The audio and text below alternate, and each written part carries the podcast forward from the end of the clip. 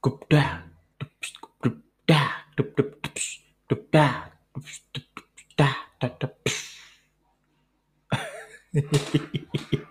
Jadi kayaknya emang harus ada bumpernya. Ntar gue belajar deh uh, gimana cara buat masukin bumper di apa namanya audionya. Jadi lu tidak lagi mendengar ocehan-ocehan mulut nggak jelas. Selamat datang di podcast episode kedua ini gitu ya. Aslinya ini adalah episode ketiga. Jadi um, semalam tuh gue udah bikin gitu ya. Terus kemudian gue ngerasa kayak ini kok kayaknya serius banget gitu ya. gue sampai searching-searching istilah-istilah gitu-gitu.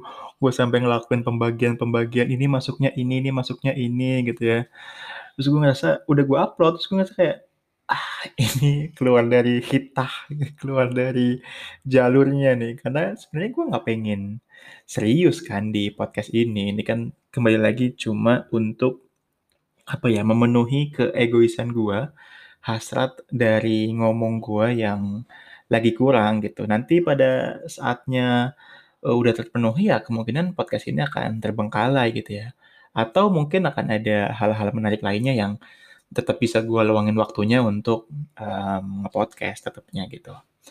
Oke, okay, um, kemarin gue iseng-iseng nanya di Instagram gitu ya, kayak enaknya podcast kedua ini bahas apa gitu ya. Terus ada tuh yang bilang kayak bahas ini dong mie ayam Mbak Iroh gitu. Gue mie ayam Mbak Iro. Jadi buat kalian yang nggak tahu mie ayam Mbak Iro, mie ayam Mbak Iro itu adalah salah satu mie ayam legenda di SMA gua, gitu ya. Kan nggak banyak yang tahu juga ya. Atau mungkin ya pada tahu juga karena kan pasti kan ini gue promote di IG dan yang lihat kan juga teman-teman SMA gue juga yang dengerin kemungkinan besar juga teman-teman SMA gue juga. Cuman ngebahas mie ayam Mbak Iro tuh apa? Gua aja tuh baru makan mie ayam Mbak Iroh itu setelah lulus SMA, setelah gue punya cukup uang untuk beli mie ayam Mbak Iroh, gitu. Wah, berarti waktu SMA lu nggak punya cukup duit untuk beli mie ayam Mbak Iroh? Ah, nanti gue ceritain dah, ya kan, uh, di lain session. Gitu, jadi uh, mie ayam Mbak Iroh bahas apa nggak jelas, skip. Terus ada yang uh, bilang kayak gini, uh, Mas bahas ini dong, bahas tentang kayang, bahas tentang kegel segala macem gitu ya. Senam lantai gitu, makin gak jelas ini kenapa gue harus jadi bahas senam lantai, bahas kegel. Tapi ngomong-ngomong tentang kegel, um, gue pengen bikin sebuah cerita tentang bagaimana efek dari olahraga angkat beban yang gue uh, jalanin terhadap sexual performance. Tapi ini nanti lah ya, karena uh, gue pengen mencoba itu uh, memenuhi karena gue udah nanya terus ada yang jawab jadi pasti akan gue uh, pasti akan gue ladenin kan karena gue udah nanya. Nah um, yang ketiga jadi cuma ada tiga orang yang yang ngasih rekomendasi. Yang ketiga bilang gini uh, mas bahas tentang peran ayah dalam pengasuhan. Berat dong peran ayah dalam pengasuhan. Ini adalah podcast senang-senang, di mana gue cuma pengen ngecebres aja gitu. Kemudian uh, ada sebuah rekomendasi tema yang harus gue omongin terkait terkait apa? Peran ayah dalam pengasuhan gitu. Nah di episode kedua tadi gue udah bikin tuh, tapi yang gue bilang tadi ya itu ribet banget. Gue ngerasanya kayak ah ini nggak gue nih, gue nggak pengen nih yang buka-buka materi apa searching-searching untuk tahu apa sih peran ayah, apa yang udah gue lakuin gitu. Jadi sebenarnya gue pengen cerita aja tentang apa yang gue uh, lakuin sama Sarah gitu ya. Karena gue spesifik ke Sarah karena menurut gue Noman masih terlalu kecil untuk uh, bisa dianggap gue ikut terlibat langsung atau berperan besar dalam uh, pengasuhannya Noman. Noman kan baru berapa sih? 8, 9 bulan pas podcast ini dibuat gitu ya.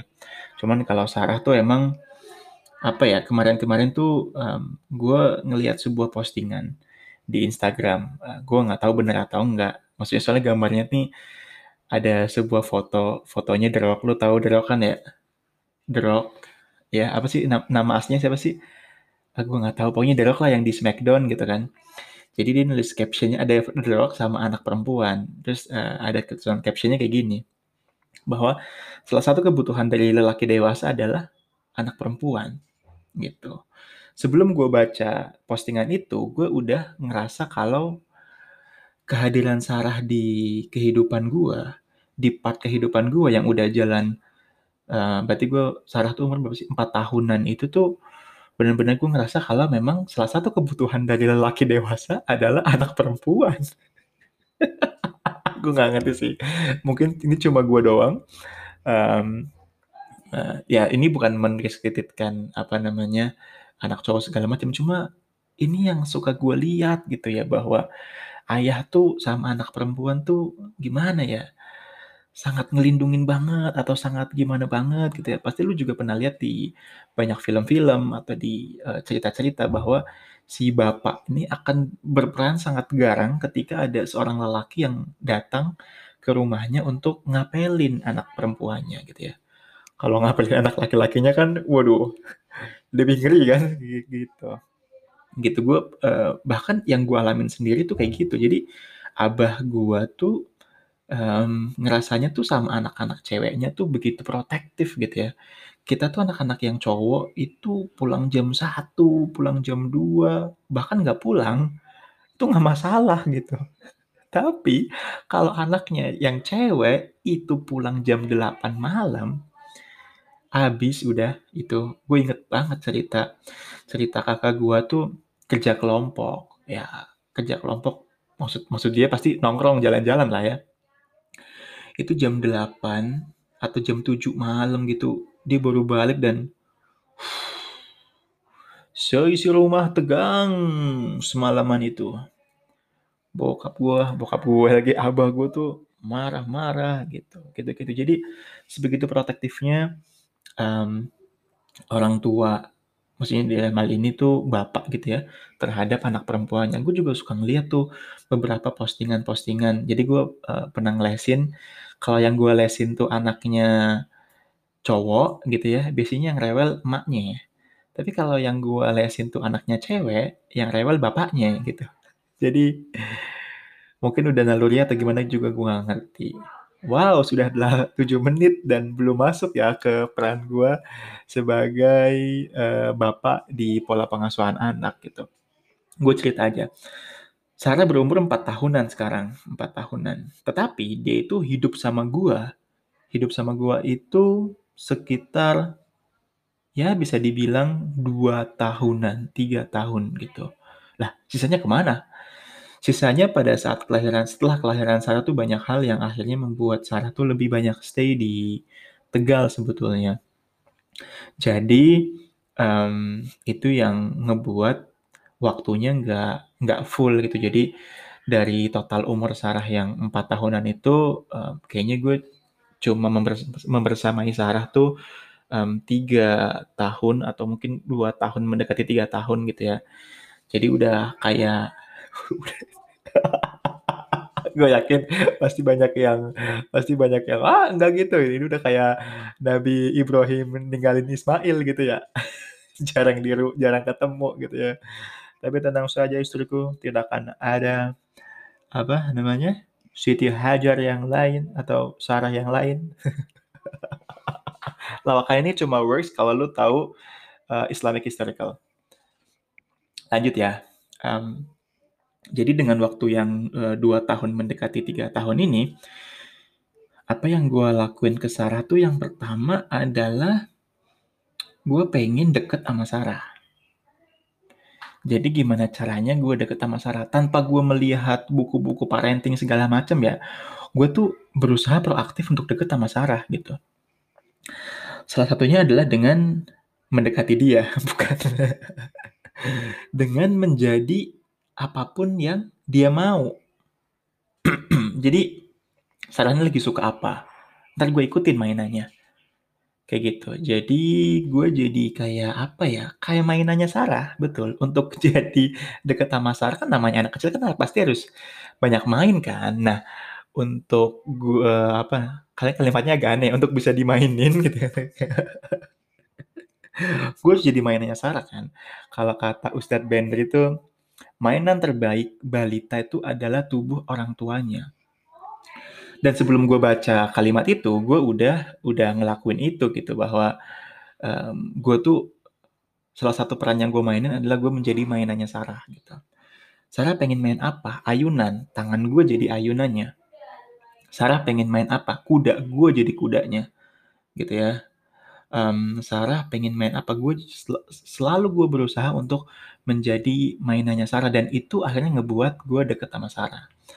Jadi peran pola pengasuhan itu kan katanya uh, untuk kita bisa menginduksi nilai-nilai kebaikan itu kan memang harus deket gitu ya, harus membaur gitu.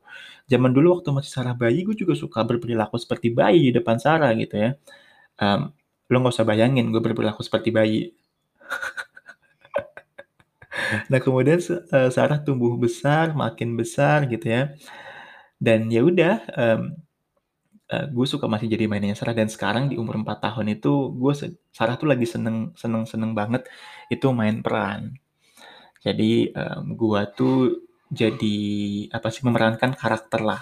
Kalau lu kalau lu nggak tahu mungkin kalau yang anak yang punya anak kecil tuh tahu ada Robo Carpoli gitu. Dan Sarah tuh suka banget sama Robo Carpoli ah, sayangnya sayangnya dia cuma suka jadi Ember Ember itu ada um, karakter yang jadi ambulan.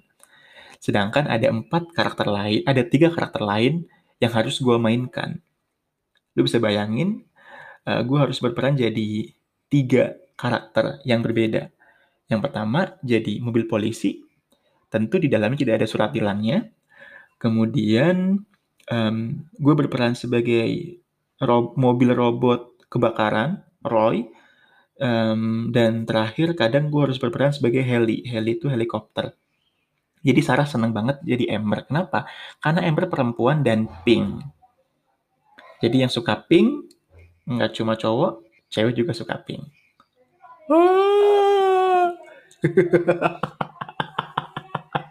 Lanjut bro, oke. Okay. Lanjut ya. Um, itu zaman dulu tuh gue suka jadi kuda gitu ya oh lanjut yang tadi ya ini jadi kayak ngelebarnya. Itu gue jadi jadi sekarang tuh bahkan Sarah manggil gue tuh bukan Baba lagi gitu. Sering kali dia manggil gue Roy. Roy itu karakter mobil pemadam kebakaran. Lu bisa bayangin gue berperan sebagai robot mobil pemadam kebakaran. Dan tone suaranya itu nggak boleh kayak gini. Karena Roy itu uh, berbadan besar berwarna merah dan hitam gitu ya. Dan suaranya berat jadi kalau gue disapa sama Sarah, Halo Roy, gue harus jawab, Halo Ember, Ember sedang apa? Kayak gitu. Nggak boleh gue jawab biasa. kalau jawab biasa, gue harus disuruh ngulang. Itu peran gue. Yang pertama, jadi mainannya bocah. Gitu ya. Terus ntar biasanya ada yang sosokan uh, berpikir kayak mainannya emaknya bukan. Halah yang begitu-begitu mah pakai dibahas lagi pret. Lanjut ya. Oke itu peran yang gue mainin. Jadi mainan Sarah yang pertama. Terus yang kedua itu gue jadi peran yang gue mainin itu gue jadi orang yang lindungin Sarah. Apa ya istilahnya ya? Jadi kalau emaknya marah. Terus masih ada yang nanya lagi emang emaknya suka marah. Iya, pakai nanya. Emang ibu-ibu mana sih yang gak suka marah-marah gitu. Itu Sarah pasti lari ke gua gitu. Jadi gue jadi, kalau bahasa Tegalnya tuh oyokan. Oyokan tuh jadi kejaran lah. Kalau dia merasa terancam, merasa terancam, itu pasti nyari gua. Um, dan gue memposisikan tuh jadi jadi apa sih protektor, pelindung gitu-gitu. Kayak misalkan ada petir, um, terus kemudian dia jatuh ke pentok, terus kemudian tadi dia dimarahin sama ibunya, uh, segala macam, uh, pasti dia akan nyari gua gitu dan itu peran yang gua mainkan. Apa sih kalau di rumah tuh apa sih, uh, bad police, uh, good police gitu-gitu. Walaupun secara secara gamblangnya sih nggak gitu ya, tapi kadang kita emang, um, gue sama istri gue tuh punya peran yang model kayak gitu. Dan lebih lebih banyak bad police di di maknya gitu dibandingkan di gue gitu. Ada saatnya gue jadi bad police ada ada gitu. Tapi itu nggak banyak lah gitu dibandingkan sama yang uh, good police-nya gitu. Itu itu yang kedua. Jadi yang pertama gue berperan sebagai mainannya Sarah. Yang kedua gue berperan sebagai pelindungnya Sarah gitu. Terus sejauh ini yang ketiga Oh. Oke, okay, uh, eh, yang ketiga tuh jadi temen curhatnya Sarah. Dari kecil gue udah suka nanyain. Gue tidak pernah nanya, Sarah udah makan atau belum? Um, Sarah hari ini udah mandi atau belum? Gue gak pernah nanya begitu. Ketika gue pulang selalu gue nanya, halo um, kakak Sarah, hari ini main apa aja? Um, Kakak Sarah hari ini seneng nggak? Kakak Sarah hari ini ada yang dipikirin nggak? Hari ini ada yang dipusingin nggak? Gitu ya. Kadang Sarah jawab nggak ada, kadang dia jawab kayak, iya nih bapak, aku memberikan utang negara yang udah sekian triliun. gitu. Jadi gue memposisikan sebagai teman curhat Sarah, apa pun yang Sarah keluhkan tuh bisa uh, bisa bicara sama gue. Kenapa? Karena gue ngerasa ini adalah modal penting di mana nanti ketika Sarah itu sudah beranjak dewasa, masuki usia balik, remaja, itu biasanya tuh anak-anak tuh mulai misah ke orang tuanya gitu. Orang tuanya tuh dianggap udah nggak asik lagi sehingga ketika ketika apa namanya dia punya masalah, ketika ada hal yang pengen diceritain, dia akan cerita ke temennya bukan ke orang tuanya.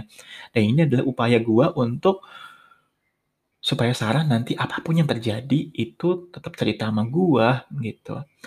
Kalau nggak mau cerita mamanya, ya udah tapi cerita sama gua gitu kan. Itu menurut gue lebih baik karena tadi ya kembali ke awal bahwa salah satu kebutuhan dari lelaki dewasa adalah anak perempuannya gitu jadi gue pengen banget suatu hari ini membayang-bayangin gue aja ya gue suatu hari itu pengen diceritain sama Sarah kalau Sarah lagi suka sama seseorang gitu ya. Terus uh, eh, gue stalking IG-nya gue DM minggir lo tol. Ya. Awas tuh dekat-dekat anak gue kayak gitu ya. Gitu. Um, tapi hal-hal itu tuh yang ngebuat gue tuh cukup cukup merasa bakal berhasil kalau gue jadi teman dekatnya Sarah. Dan sejauh ini dia suka cerita kayak misalkan Suatu hari pernah dia dimarahin sama emaknya, gitu kan. Terus kemudian pas aku pas pas gue balik tuh uh, terkesan udah biasa baik-baik aja. Terus kemudian pas mau tidur gue tanya-tanya, gue uh, kakak Sarah cerita dong. Terus dia bilang iya hari ini aku dimarahin sama bubu. Kenapa ya? Karena uh, apa waktu itu ya uh, udah dibilangin apa gitu, tapi dia ngelakuin apa gitu sehingga ada barang yang rusak atau barang yang pecah gitu gue lupa. Kayak gitu. Kayak gitu kayak gitulah. Dan menurut gue ini udah awal yang cukup bagus sih. Semoga nanti ke depannya tetap Sarah bakal cerita apa pun ke gue gitu. Jadi kembali lagi gue resume. Kalau yang pertama gue jadi apa namanya mainannya Sarah. Yang kedua gue jadi um, apa tadi protektor. Yang ketiga gue jadi teman curhatnya Sarah gitu sejauh ini sih kayaknya po, tiga tiga hal itu kali ya yang yang bentuk bukan yang ngebentuk yang gue lakuin gitu ya. Gitu. Um, apakah gue ngajarin Sarah? Kalau ngajarin model kayak kan Sarah sekolah online ya? Kayak tugas tugas segala macam itu enggak. Gue gue nggak ngajarin yang begitu kayak misalkan Sarah ada tugas bikin kelinci. Nah lu tahu kan yang bikin kelinci? Kalau lu ngeliat lu kalau lu suka ngeliat status gue tuh pasti ada momen di mana gue bikinin Sarah kelinci. Yang kata orang-orang itu mirip pocong. No itu bukan pocong itu kelinci. Dan Sarah bilang itu kelinci. Um, kalau yang bikin-bikin begitu tuh gue nggak terlalu ya. Tapi kalau hal dalam pengajaran hal yang menarik Gua tuh cukup cukup suka ngajarin Sarah untuk untuk ngambil angle yang beda untuk menjadi sesuatu jadi nggak membosankan gitu. Ini gue ambil contoh yang kayaknya di podcast yang pertama kayaknya udah gue ambil contoh deh. Kayak gue mainin apa namanya gayung, terus gue balik, terus gayungnya gue masukin ke kolam, terus kan nanti akan muncul gelembung-gelembung udara ya blukutuk-blukutuk gitu ya, kayak gitu. Ntar Sarah suka. Atau mainan uh, apa namanya main bayang-bayang kayak gitu. Jadi kalau dalam hal pelajaran yang kayak sekolahan itu enggak, tapi kalau hal yang menyenangkan terkait hal-hal yang nanti dia bisa ambil, itu sebenarnya fenomena-fenomena reflection, apa sih, hukum Archimedes, bener-bener nggak sih? Kayak gitu kayak gitu. Itu uh, gue suka suka ngasih tahu sih, kayak misalkan mainan koin atau main kartu gitu-gitu. Itu gue kasih suka kasih tahu gitu kalau itu menyenangkan gitu sih. Gitu. Itu adalah peran yang sampai sekarang gue jalanin. Nah, ini di part di part kedua di menit ke-21 ada juga sih part-part yang uh, gue cukup bahkan ya bahkan tuh berlepas diri dari dari peran ini gitu. Yang pertama adalah peran nutrisi. Gue tuh nggak tahu menau tentang apa yang dimakan sama Sarah sebetulnya. Nah ini bagian dari bagian dari emaknya nih gitu kan. Jadi kayak uh, dan gue tinggal ngikutin aja kayak sampai sekarang tuh Sarah tuh nggak pernah oh pernah ding di usia empat setengah tahun ini, menurut gue akan cukup jarang lu nemuin anak yang baru makan permen dua kali. Di usia empat setengah tahun seorang bocah, di Indonesia ya, lu akan jarang mendapati anak yang baru makan permen dua kali, dan itu nggak sengaja. Dan Sarah tuh baru makan permen dua kali sepanjang hidupnya dia. Yang pertama, dia itu di dijejalin dijejalin sama apa namanya sama sepupunya sepupunya seumuran Sarah lebih muda setahun tapi dia udah uh, hobi makan permen terus yang kedua secara nggak sengaja dia nunjuk permen pas diajak ke Indomaret sama utinya gitu itu nah um, nutrisi peran nutrisi yang nggak boleh makan permen itu dari istri gua jadi jadi gue cuma ngejalanin aja, gue nggak berperan terhadap kenapa sih harus nggak makan permen segala macam. Gue cuma tahu kayak kenapa nggak makan permen karena biasanya jadi jadi nggak doyan makan, terus uh, kandungan gulanya minim minim gizi gitu-gitu gitulah. Jadi uh, gue nggak tahu menahu. Dan terkait nutrisi ini juga saking nggak taunya gue ya, saking nggak taunya tuh gue pernah pergi sama Sarah ke Indomaret Terus kemudian gue pulang bawa makanan yang kata istri gue itu nggak boleh dimakan untuk anak usia di bawah lima tahun. Kalau nggak salah tuh pilus ya, pilus apa sih, pilus Garuda atau pilus apa gitu. Karena itu yang milih Sarah gitu. Terus akhirnya ya Sarah makan ya makan, tapi dikit aja gitu. Jadi kayak, yang ini tuh kamu tahu nggak sih kalau ini tuh nggak boleh buat anak usia lima tahun ke bawah lah. Ya mana gue tahu, emang tulisnya di mana? Ini ada. Jadi ada, ada memang ada counselnya kalau itu nggak boleh atau dihindari untuk anak uh, usia di bawah lima tahun gitu. Itu peran nutrisi sih yang mm, gue tuh sama sekali nol gitu, nggak ikutan cuma ngejalanin apa yang diperintahkan oleh nyonya besar aja gitu. Peran bareng-bareng sih adalah peran pasti peran apa namanya spiritual gitu ya. Kalau peran spiritual tuh memang bareng-bareng kita ngajarin doa dari awal, kita ngasih bacaan buku-buku yang bertema Islam gitu-gitu situ kalau itu sih bareng-bareng ya. Jadi gue tidak menganggap itu sebagai peran gue peran besar gue terhadap uh, pengasuhan anak gitu. Ya ini gue lupa lagi ya harusnya ini gue harusnya ini gue kasih disclaimer di awal gitu. Disclaimer di awal tuh artinya bahwa ini cerita dari gue bisa aja buat lu yang sudah nikah buat yang sudah punya anak atau berencana menikah dan punya anak itu hal-hal ini tuh tinggal dibicarain aja sama pasangan lu. Tidak kemudian harus kayak gue karena gue agak nggak traumatik sih karena sebenarnya gue cukup bodoh amat sih. Jadi ketika gue posting apa namanya uh, hasil latihan gua tuh yang darinya gendut terus kemudian sekarang tuh jadi montok jadi montok. Itu tuh ada seorang istri yang bilang ke suaminya gitu kalau mau susun aja bisa ayo kamu bisa gitu. Nah ini kan akhirnya si suami bilang ke gua. Kalau kalau ngelihat IGS tuh gue skip dah gitu, kayak gitu. Nah, ini semoga buat buat jadi ini aja sih, buat jadi menemani lu ngopi atau istirahat aja sih obrolan-obrolan ini kan, podcast-podcast ini gitu. Itu itu adalah peran gua yang gue jalanin selama ini um, dalam pengasuhan anak gua Sarah. Kenapa gue nyebut pengasuhan anak gua Sarah? Karena untuk Nomen nggak tahu ya kan dia masih nempel banget gitu sama mamanya jadi tidak bisa gue masukin kategori dalam pengasuhan anak. Itu udah 26 menit, wah makin panjang ya gue ngomongnya.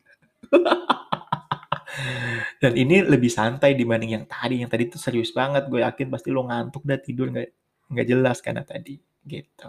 Oke, sudah episode kedua. Um, mungkin nanti episode ketiga, keempat segala macamnya kalau lu memang ada ide ada apa bisa kasih tahu gue dan mungkin akan gue bawain atau nggak gue bawain gitu. Terima kasih, semoga lu semua di luar sana tetap sehat gitu ya, tetap produktif, ah, enggak juga lah, nggak usah produktif-produktif amat lah ya. Yang penting tetap happy lah ya, yang tetap menyenangkan, bahagia, karena itu adalah hal yang harus lo lakuin gitu. Terima kasih. Sampai jumpa di episode ketiga, keempat, kelima. Kalau emang ada lagi ya. Dadah. Ini perlu pakai bumper lagi nggak ya? Oh ya pakai deh.